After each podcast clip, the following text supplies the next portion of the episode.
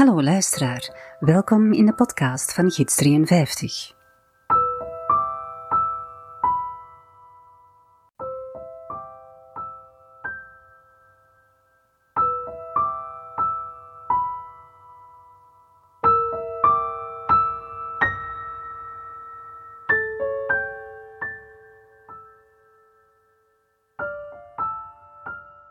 Vorige keer zijn we gestopt in 1520, wanneer Passier en zijn team het retabel netjes hebben geïnstalleerd op het altaar van de leerbewerkers in de bovenkerk. Het staat tegen de eerste zuil rechts als je door het hoofdportaal naar binnen loopt. Ze hebben hem destijds voor een stuk zelfs aangepast om alles te doen passen. Moest je vandaag binnenlopen, kijk maar eens naar die zuil als je in de kerk komt. Je ziet vandaag nog goed de afdruk van het retabel en de recentere cementrestauratie van de pilaar. Welkom luisteraar in dit laatste deel over Passier en zijn retabel.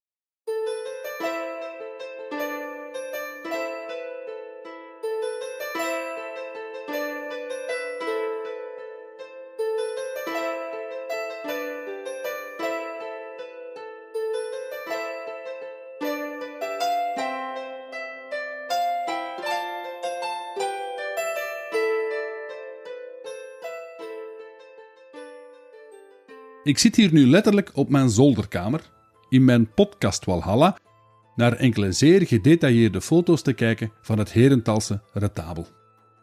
Ze werden genomen tijdens een opknapbeurt in 2017 in de voorbereiding van de grote Borreman-tentoonstelling in Museum M twee jaar later. Het beschermende glas dat normaal voor het kunstwerk zit, was weggehaald. En pas dan, echt pas dan, zie je de schoonheid van het snijwerk en de verbluffende virtuositeit van Passier en zijn atelier. Daar, op dat moment, ben ik echt verliefd geworden op het retabel. Ik keek mijn ogen uit, maar helaas hadden we niet zoveel tijd om te blijven kijken. Ik denk dat ik er nog zou staan. Maar als ik nu naar die foto's kijk, gemaakt door en voor het kik, mijn mond valt soms nog open. Zo knap is het werk, zo perfect gebeeldhouwd zo vol met details en dat alles in hout gesneden.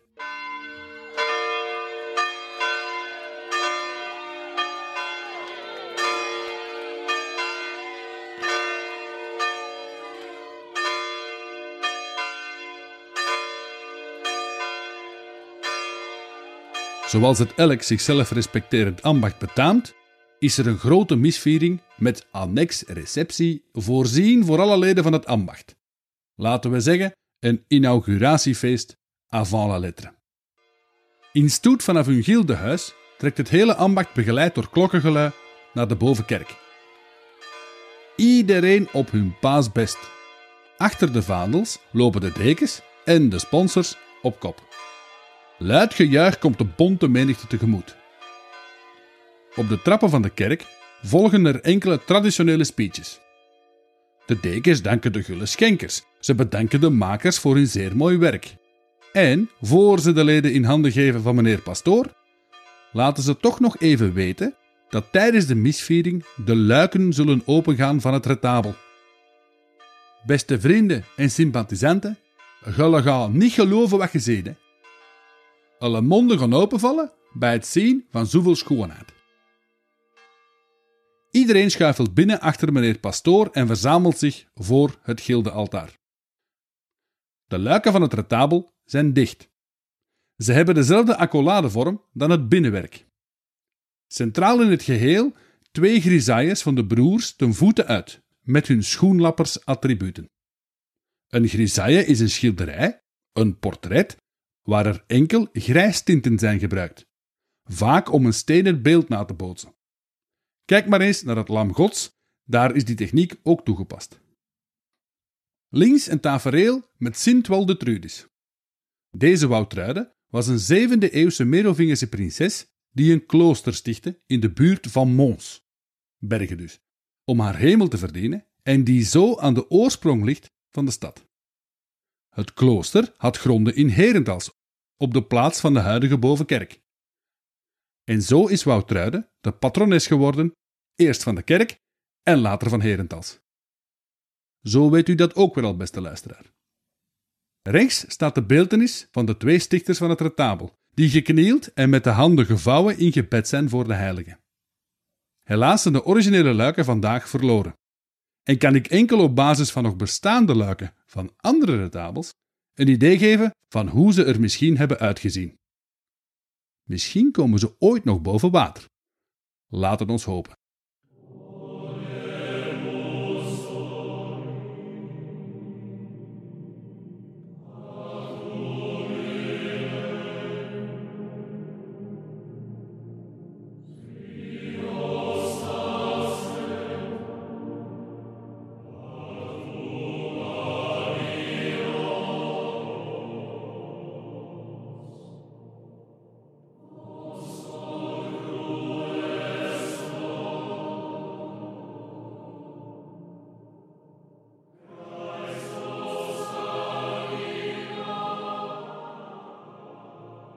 De pastoor begint zijn mis. In het Latijn uiteraard, met hier en daar wat oud-Nederlands doorspekt. En dan plots, halverwege de liturgie, net als de preek gaat beginnen, gaan de luiken open. Het is alsof het retabel vleugels krijgt. Centraal de scènes gesneden in hout, met prachtige decors. Links en rechts zeer kleurrijke geschilderde taferelen op de luiken. Het licht van de ondergaande zon laat een soort veelkleurige gloed vallen op het kunstwerk. Het geeft het bijna iets goddelijks. Oeh, wauw. Klinkt het bij de leden die voor het altaar staan. Ze weten niet wat ze zien. Ze weten zelfs niet waar ze moeten zien, waar te beginnen. De dekens hadden gelijk gekregen. De monden vielen open van verstomming. Er waren er die hun kin moesten vasthouden in hun val. Bij wijze van spreken natuurlijk. Zelfs meneer Pastoor, die er met zijn neus bovenop staat, want hij doet de mis met zijn rug naar de gelovigen, is onder de indruk. Hij roept uit: Dit, beste gelovigen, dit is Gods werk. Aanschouw hoe onze patronen gruwelijk werden gemarteld. Maar ze gaven geen krimp. Nee, ze wilden hun geloof in de Almachtige niet afzweren zelfs niet in het aanschijns van de dood. Ze werden opgenomen in het Rijk Gods. Onder engelengezang en muziek kwamen zij tot bij hun schepper. Zie hier wat een goed christen hoort te doen. Volg het voorbeeld van onze heiligen en geloof rotsvast, en u zal leven in het Rijk van God. Amai, wat een preek. Maar eigenlijk zegt de pastoor hier wat er op het retabel te zien is en waarvoor het eigenlijk dient, namelijk de blik van de gelovige leden van het ambacht op het altaar houden door hen mee te nemen in het verhaal van hun patroonheilige. En hoe beter dan met een verhaal vol martelingen en folteringen, maar ook met Gods genade. Vergeet ook niet, beste luisteraar, dat de stellingen van Maarten Luther al drie jaar circuleren op dat moment. En dat de eerste barsten in het katholieke geloof reeds aan de oppervlakte komen in de zo door godsdienst doordrongen maatschappij. Het retabel kan helpen om de ongeletterde gelovigen op het rechte pad te houden. De religieuze tweespal tussen katholieken en protestanten zal leiden tot een ware burgeroorlog. Lees de Tachtigjarige Oorlog en ook gevolgen hebben voor het retabel.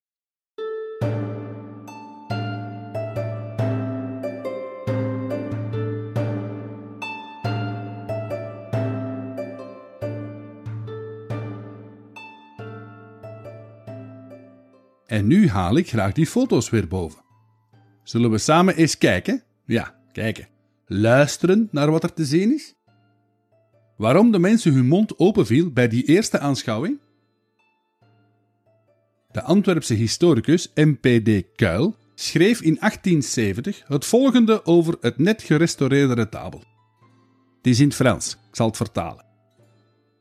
Le retable de Herentals, qui fait l'objet de cette notice, hij heeft een artikel geschreven over het retabel. Est en fait de sculpture le plus beau de tous ceux que nous venons de nommer. In het artikel lijst hij enkele andere retabels op die in de Kempische kerken te vinden waren en zijn. Et même de tous ceux que nous connaissons en Belgique. Het schoonste retabel van België. Dat zegt hij. Toen ik dat de eerste keer las enkele jaren geleden, dacht ik zo van ja, het zal wel. Een beetje Antwerps chauvinisme. Eigen kind, schoolkind, weet je wel?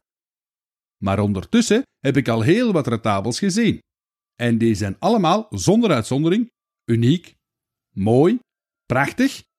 Maar het snijwerk van Passier en zijn atelier hier in Herentals is gewoonweg verbluffend. Van uitzonderlijke virtuositeit. Men leest soms dat de reden waarom er geen verf op het werk zit, net dat uitzonderlijk knap snijwerk is. Dat het bijna zonde zou zijn geweest om het te overschilderen.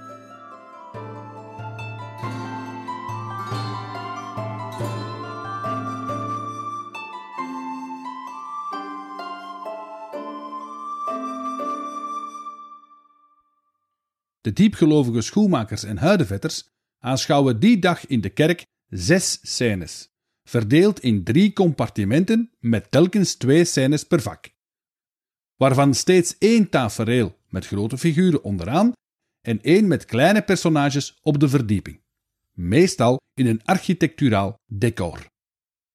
Het zijn allemaal folterscènes, behalve het centrale grote tafereel, die de executie van de broers uitbeeldt.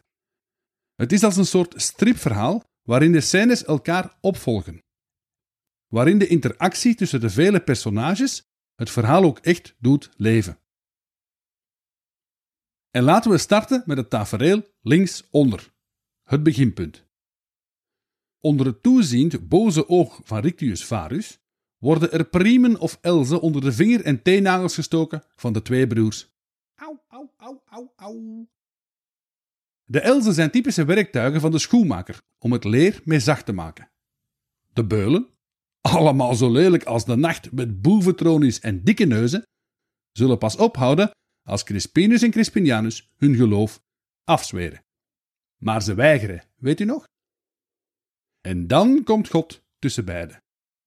De priemen schieten terug naar de beulen.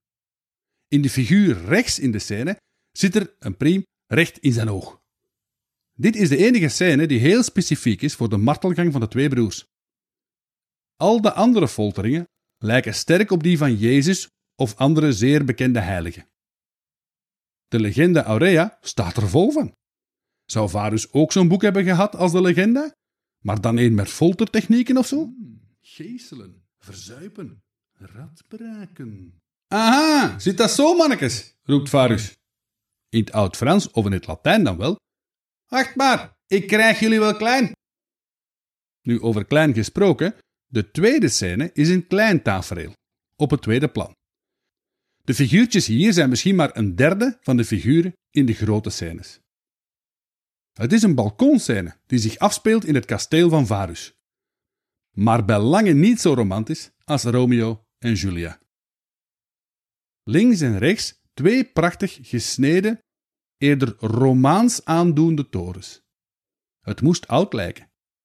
Het maaswerk van de balustrade, beste luisteraar, virtuoos. Ik heb er geen andere woorden voor. Als je het wil visualiseren, kijk op mijn blog. Ik heb er enkele details gepost. De broers staan aan een paal gebonden. En net zoals hun grote voorbeeld Jezus, worden ze geslagen en gegezeld door een bende beulen. Ook Varus staat er weer bij en lijkt te roepen naar de slaande beul: Klop maar eens goed door, ze gaan hun geloof afzweren. Ik zal niet stoppen tot. Maar opnieuw mislukt de marteling. Nu, dit is een onvolledige scène, want één van de broers ontbreekt aan de martelpaal. Hij was er ooit wel, want zijn handjes zijn nog zichtbaar op de paal zelf. Het verhaal gaat voort rechts van de geesteling. En deze keer zijn we binnen in een zaal van het kasteel. De broers worden opnieuw vastgebonden aan een paal. Deze keer worden er repen huid uit hun rug gesneden. Au, au, au, au. Dit is een veel voorkomende pijniging bij martelaars. De beulen gebruiken speciale messen. En wanneer we ooit eens samen voor het retabel zouden staan, dan zal je links een super detail zien van een kerel die zo'n mes aan het wetten is, om het in de rug van de sukkelaars aan de paal te planten. Maar pijn of niet, Crispinus en Crispinianus geven geen kick. U hoort het, dames en heren. Martelaar word je niet zomaar, hè? Je moet er iets voor over hebben. Nu Varus begint stilaan radeloos te worden. Wat moet hij toch doen om die broers te breken? Laat ik ze verzuipen, denkt hij bij zichzelf. Crispinus en Crispinianus worden naar buiten gesleurd, krijgen een zware molensteen om de nek en worden vanaf een brug in de stad in de rivier de Einde geflikkerd.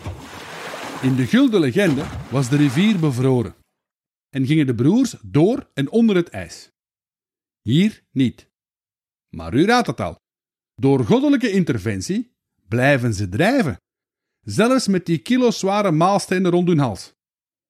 Dit is nog steeds zo'n kleine scène, maar voor mij persoonlijk de strafste van allemaal. Dit vanwege de superdetails en het adembenemende snijwerk. Je kan verdorie de huidplooien tellen op de rug van de broer die in het water wordt gekieperd. Het water zelf, de stroming uitgesneden in het hout en mannetjes. Het decor, dat dus de laat-antieke stad laat zien. Echt, dit moet je gewoon live zien.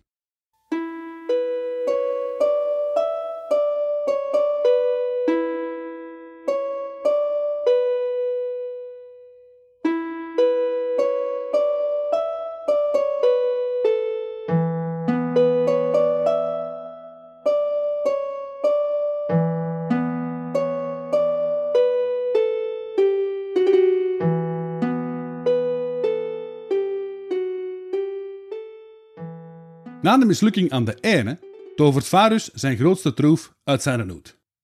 De broers worden in een ketel met kokende vloeistof gestoken. Dit tafereel komt heel duidelijk uit de legenda Aurea, waar de broers tot twee keer toe in een bad met lood worden gestopt. In het boek krijgt Varus bij de eerste maal lood in zijn oog. Bij de tweede poging werpt hij zich woedend in het vuur onder de ketel. Op het retabel worden beide scènes samengetrokken. De beul naast de rechtse broer heeft een kannetje met lood vast en giet het over zijn hoofd uit. In de legenda wordt er kokend lood in hun mond gegoten. Is dit er de verwijzing naar? En onze Rictius ligt in het vuur onder de ketel. Eén oog is geraakt door lood. Op zijn mantel staat er in het Latijn gegraveerd Judex Cicuoniae Tyrannus. Dat de rechter een tiran is geweest en dus nu is verslagen door de martelaars. Allee, eigenlijk door tussenkomst van de Almachtige natuurlijk. En dit is zo typisch voor die verhalen. De martelaars sterven, maar de beulen en de schuldigen van hun dood ook. Denk maar aan de heilige Barbara. Haar vader wordt doodgebliksemd. De heilige Dymphena. Papa wordt gek van verdriet. En ga zo maar door. En na de dood van Varus moeten ook de broers nog sterven, hè? Dat is dan de logica van het verhaal. En daar zorgt keizer Maxentius in hoogst eigen persoon voor. Omdat die broers toch niet te bekeren zijn tot het Heidense Pantheon, worden ze op zijn bevel onthoofd. Omstuurd door een hele schare prachtig uitgedoste hovelingen, woont de keizer de executie zelf bij van op zijn paard. In de scène is er één broer zijn hoofd al kwijt.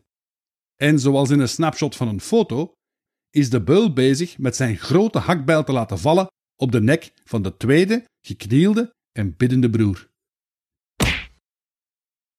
Nu, onthoofding is een klassiek einde voor vele martelaren. Dit is de belangrijkste scène van het retabel. Ze staat dus ook centraal met grote in het oog springende figuren. Opvallend is dat de broers worden onthoofd in een lang gewaad. Bij de folteringen dragen de broers een lendendoek. Uit andere iconografische bronnen blijkt dat dit de normale gang van zaken was. Naakte folteringen, executie in een wit gewaad als teken van het martelaarschap. De folteringen zijn mislukt. De executie daarentegen slaagt wel. Het verhaal van Crispinus en Crispinianus eindigt in een zevende scène helemaal bovenaan centraal in het retabel. In de hemel. Weet u nog, beste luisteraar? Dat Passier in de vorige aflevering nog moest nadenken of hij iets met God zou doen? Wel, dit is het tafereel geworden waarin de Almachtige troont en wordt omringd door zes engelen. Twee van hen bespelen een muziekinstrument. De ene links de luid, de andere rechts de lier. God is afgebeeld met het boek in de linkerhand, terwijl hij met zijn andere hand het teken van goddelijk rechter maakt. Hij oordeelt over goed en kwaad en is tussengekomen in de folteringen. Rictius Varus en sommige van zijn beulen sterven door zijn toedoen. Zijn aanwezigheid zet het martelaarschap van de broers extra in de verf. Maar hij zal ze niet redden van de dood. Hij roept ze als het ware tot bij hem. Zij gaan dienen als voorbeeld voor alle andere gelovigen.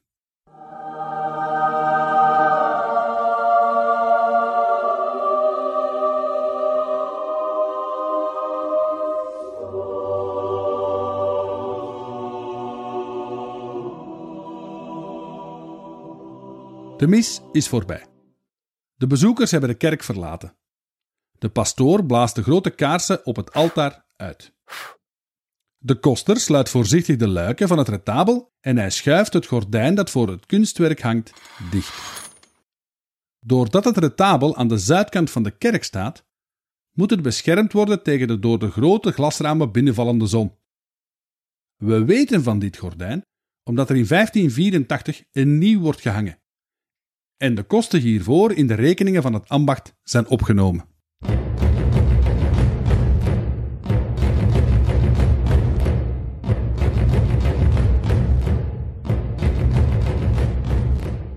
(1566). De spanningen tussen katholieken en protestanten lopen steeds hoger op. En dan plots een eruptie van geweld. De beeldenstorm raast door de Nederlanden. In Poederlee, Puil zoals ze dat bij ons zeggen, wordt de Heggekapel verwoest. In kerken worden de beelden van heiligen geviseerd en vernield door bendes religieuze hooligans. Zij waren tegen het uitbeelden van het goddelijke. En zo ook in de bovenkerk. Hals over kop wordt het retabel uit elkaar gehaald en verstopt voor de iconoclasten. En gelukkig maar, want veel beeldhouwwerk heeft die aanval niet overleefd. Hè? Nadat de beeldenstorm is uitgeraasd, plaatst men het retabel terug tegen zijn zeil. Maar slechts enkele jaren later dreigt er opnieuw gevaar. De 80-jarige oorlog maakt van de Kempen immers een slagveld. Herentals is strategisch gelegen, dus komt de oorlog ook naar de stad. In 1576 nemen de staatse troepen van Willem van Oranje Herentals in en wordt er een protestants stadsbestuur geïnstalleerd. Raar maar waar mag het retabel in het begin blijven staan in de kerk. Maar het ambacht moet er wel voor betalen aan de stad. In ruil voor drie florijnen, dat is een behoorlijke som geld, knijpt men een oogje dicht. Ook de protestanten zijn dus niet heiliger dan de paus, de man waartegen ze nogthans redelijk heftig fulmineren. Of zien ze zelf ook wel in dat het werk van passier van een ongeziene kwaliteit is? Is het retabel misschien een voorbeeld van geloofsoverschrijdende kunst? Wel, ik zou het graag geloven. Maar een jaartje later al, zo blijkt uit de rekeningen van het ambacht, moet het toch weg uit de kerk. Men haalt het helemaal uit elkaar en bergt het ergens op op een onbekende plaats. De oorlogsdreiging blijft echter. En het staatse stadsbestuur laat een deel van de noordelijke wallen en poorten van Herentals afbreken en terugbrengen tot op de kleine neten. Het gevolg is dat het oude Begijnhof, gesticht in 1266 en een van de oudste van het hertogdom Brabant, buiten de wallen komt te liggen. Het wordt met de grond gelijk gemaakt. In 1584 heroveren de Spaanse troepen Herentals na een stevig beleg. Een papisch bestuur, katholieken dus, neemt de stad weer over. En al snel betalen de schoenmakers enkele rekeningen om het retabel terug in elkaar te zetten en een nieuw altaar te metsen in de bovenkerk. De rust wordt tijdelijk hersteld. En ook het kunstwerk krijgt een opknapbeurt. Want al dat gedoe met verhuizen en zo heeft zijn sporen nagelaten. Een lokale schrijnwerker voert heel wat herstellingen uit op het einde van de 16e eeuw. U moet dit natuurlijk ook zien in het licht van de contra-reformatie. U weet wel, de herovering van de zielen vanwege de katholieke kerk. Het gilderen tabel moet er piek fijn uitzien. En dan verdwijnt het retabel uit de boeken, uit de geschiedenis. Niks meer, geen woord nog over Crispinus en Crispinianus.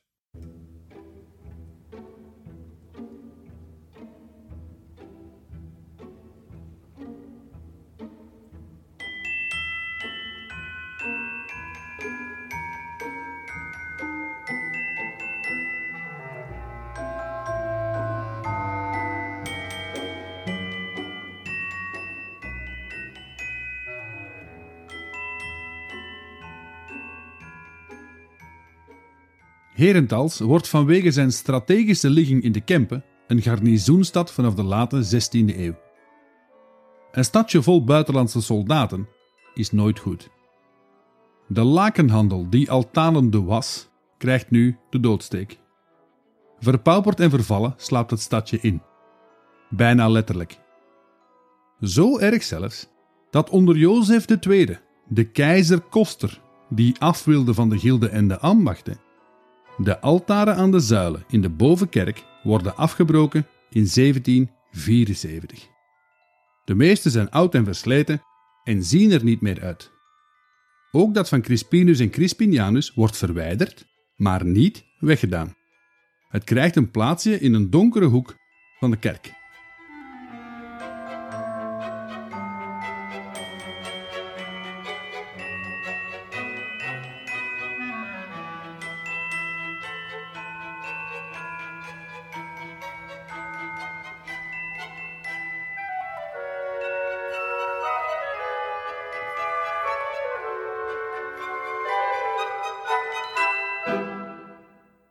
In 1853.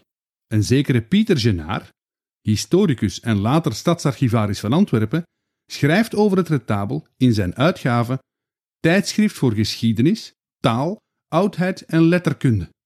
Dat is een hele mond vol. Luister even mee. In de volgende kapellen ziet men nog andere beeldjes, welke grootste verdienste in hun hoge ouderdom bestaat. Ze worden evenwel alle overtroffen door een aangrenzend kunstgevrocht. De weergade misschien in de ganse wereld niet meer bestaat. Een meesterstuk, dat ofschoon onbekend de bewondering van alle kunstliefhebbers verdient.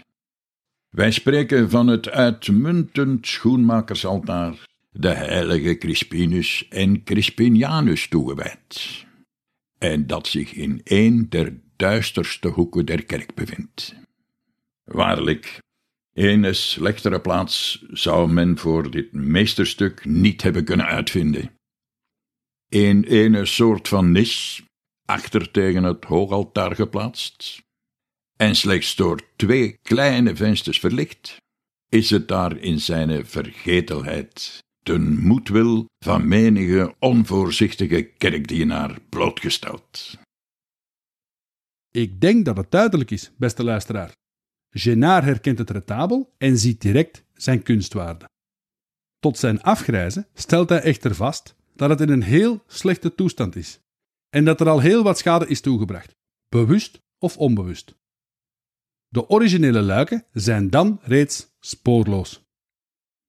Hij schrijft verder: Achtingswaardig is het oude altaar met zijn gotische bogen, met zijn spitsvormige nissen, met zijn honderden beeldjes, waarop de tijd een donkere bruine tint gelegd heeft.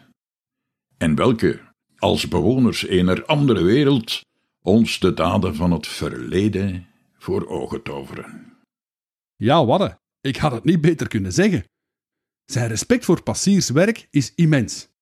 Maar er is één zinnetje dat mij onmiddellijk in het oog springt. Hij zegt letterlijk waarop de tijd een bruine tint heeft gelegd. Het feit dat hij niet spreekt over vergulde figuren, die, zelfs al zou er een laag stof op liggen, altijd zichtbaar zouden zijn, heeft mij altijd doen vermoeden dat het retabel nooit echt beschilderd en verguld geweest is. En dat is de reden waarom ik in dit verhaal ben uitgegaan van een contract à la Turnhout, met een latere vergulding als er geld was. Helaas zal dat geld er nooit gekomen zijn en is het dus onbeschilderd gebleven. Modern onderzoek op de beeldjes heeft ook geen enkel spoor opgeleverd van polychromie. Nul. Echt nul. Dus als het dan toch zou zijn afgeloogd, gedecapeerd, wat sommigen zeggen, na 1853 dan wel, dan is het heel grondig gebeurd. Ook de wetenschappelijke wereld is er nog steeds niet uit. Slechts twee jaar later, in 1855, lezen we in een visitatieverslag van het bisdom, wanneer het gaat om de inboedel van de bovenkerk, achter den hogen altaar in drie groepen makende tezamen maar één stuk, verscheidene mensen in een beeldwerk zijn uitgehouwen, het welk schijnt te zijn van de dertiende eeuw en dus zeer veel van waarde is. Men wist duidelijk wel dat het zeer oud was, maar 300 jaar ernaast is toch wel veel gebleken.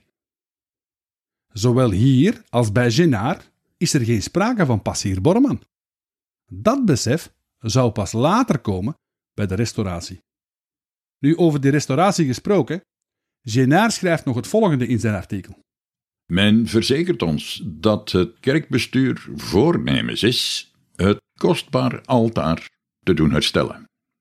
Het schijnt ons onmogelijk dat men ooit een goede herstelling aan deze kunstgevrocht toebrengen, aangezien er een menigte kleine figuurtjes aan ontbreken, waarvan nog tekening, nog model bestaat. De beeldhouwer zal zich dus genoodzaakt bevinden beeldjes van eigen maaksel in plaats der verdwenen te stellen. Beeldjes welke nooit het karakter van het ganse werk zullen bezitten. Genard zijn conclusie is om niks aan het retabel te wijzigen, hoe onvolledig ook. En echt, in 1863 wordt er een eerste foto genomen van het werk. Ik heb die op mijn blog gezet. Moeder gods, het ziet er zo slecht uit. Vele lege plekken door ontbrekende beeldjes. De fries onderaan is precies een kaas met gaten. En wat gebeurt er in 1864? Jan van Arendonk, een zeer verdienstelijk Antwerps beeldhouwer, krijgt de opdracht van de kerk om het retabel zo volledig mogelijk te restaureren. En hij zal dus wel doen wat Genard nu net niet wilde: de verdwenen beelden in de verschillende scènes naar eigen goeddunken namaken. Ook het Fries onderaan wordt vernieuwd, als ook de ontbrekende beelden in de nissen tussen de compartimenten. Vooral in de grote scènes onderaan zijn de aanvullingen met het blote oog goed te zien. De meest in het oog springende bijgemaakte figuur is keizer Maxentius, die op zijn paard de executie volgt van de broers in het centrale tafereel. Van Arendonk was best een begenadigd beeldhouwer, maar niet van de finesse van Passier. Alle nieuwe figuren zijn minder fijn gesneden, zijn minder gedetailleerd en vooral, ze zijn roder van kleur. Hij maakt ook twee nieuwe, behoorlijk banale neogotische luiken voor het altaar. Volgens mij zijn die nooit gebruikt geweest. Ook vandaag nog staan die ergens in een donker berghok van de kerk.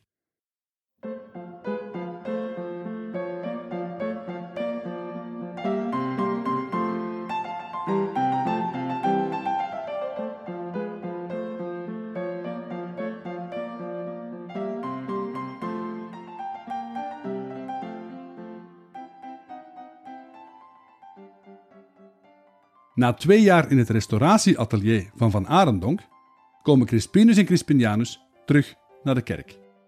Ze krijgen een plaats in de Sint-Jacobskapel, waar ze vandaag nog steeds te bewonderen zijn.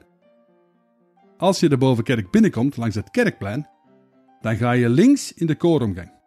En in de tweede kapel, daar is te doen. Tot in de jaren 70 van de vorige eeuw stond het retabel bloot en zonder bescherming op het altaar. Op een ochtend in 1971 ontdekt de pastoor dat er zes beeldjes zijn gestolen. De meeste waren van de hand van Jan van Arendonk, de dommerikke. Dan steel je alleen middeleeuwse beelden om voor veel geld te verkopen en dan pak je de fouten mee. Gelukkig maar. Na de diefstal verhuist het hele kunstwerk naar het Koninklijk Instituut van het Kunstpatrimonium in Brussel voor een grondige restauratie. Het zou zeven jaar wegblijven. en sindsdien zit alles achter glas. Wat wel goed is tegen diefstal of vernieling, maar het kijken wel bemoeilijkt door de reflectie. En vooral, achter glas ontstaat er een soort microklimaat dat bij al te hoge vochtigheid wel eens heel nefast zou kunnen zijn voor het hout. Bij zo'n kunstwerk is het altijd wikken en wegen. Sinds 2014 staat het retabel van Crispinus en Crispinianus van de hand van Passier Borman en zijn atelier op de Vlaamse topstukkenlijst. Bijna 500 jaar na zijn conceptie krijgt het de absolute erkenning en bescherming die het verdient. Vorig jaar, 2020 dus, zou het feest geweest zijn, want het retabel werd dan een half millennium oud. De omstandigheden beslisten er echter anders over. Dus is het aan ons, aan u luisteraar, om toch eens te gaan kijken in de bovenkerk en Crispinus en Crispinianus een fijne 501ste verjaardag te wensen. Ziezo, beste luisteraar, de cirkel is rond. Initieel had ik twee afleveringen voorzien voor het leven van Passier Borman en zijn retabel van Crispinus en Crispinianus in de Hertalse Bovenkerk. Het zijn er uiteindelijk vijf geworden. Hoe meer ik me verdiepte in het onderwerp, hoe boeiender het werd. Ik hoop dat u ervan genoten heeft. Mij was het alvast een waar genoegen. Mijn naam is Jo van Dessel, gids 53 dus, historicus en stadsgids in Herentals. Dit hele verhaal is opgedragen aan wijle Jan Kools. Leenden hun stemmen aan de podcast mijn vrouw Katrien en zoon Senne, mijn vader Paul en last but not least, buurman Ronnie, als de vlotte verkoper in het Antwerpse pand in de tweede aflevering. Dank ook aan Seppe Roels. Hij is expert in middeleeuwse polychrome beelden. Merci voor je tijd, Seppe, en de zeer leerrijke sparringsmomenten. Merci allemaal en tot hoors, trouwe luisteraar, in een volgende reeks van historische vertelsels over mensen van bij ons.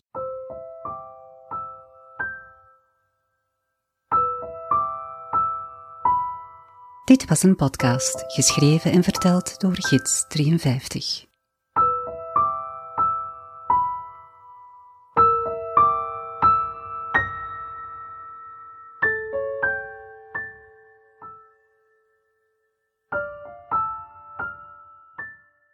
Je kan nog steeds terecht op gidsnummer 53.com blog voor extra informatie. Vind je deze podcastreeks leuk? Laat gerust een beoordeling of review na als je op Apple Podcast luistert. Luister je op een ander kanaal? Laat een berichtje achter op mijn website gidsnummer 53.com reviews. Alvast bedankt.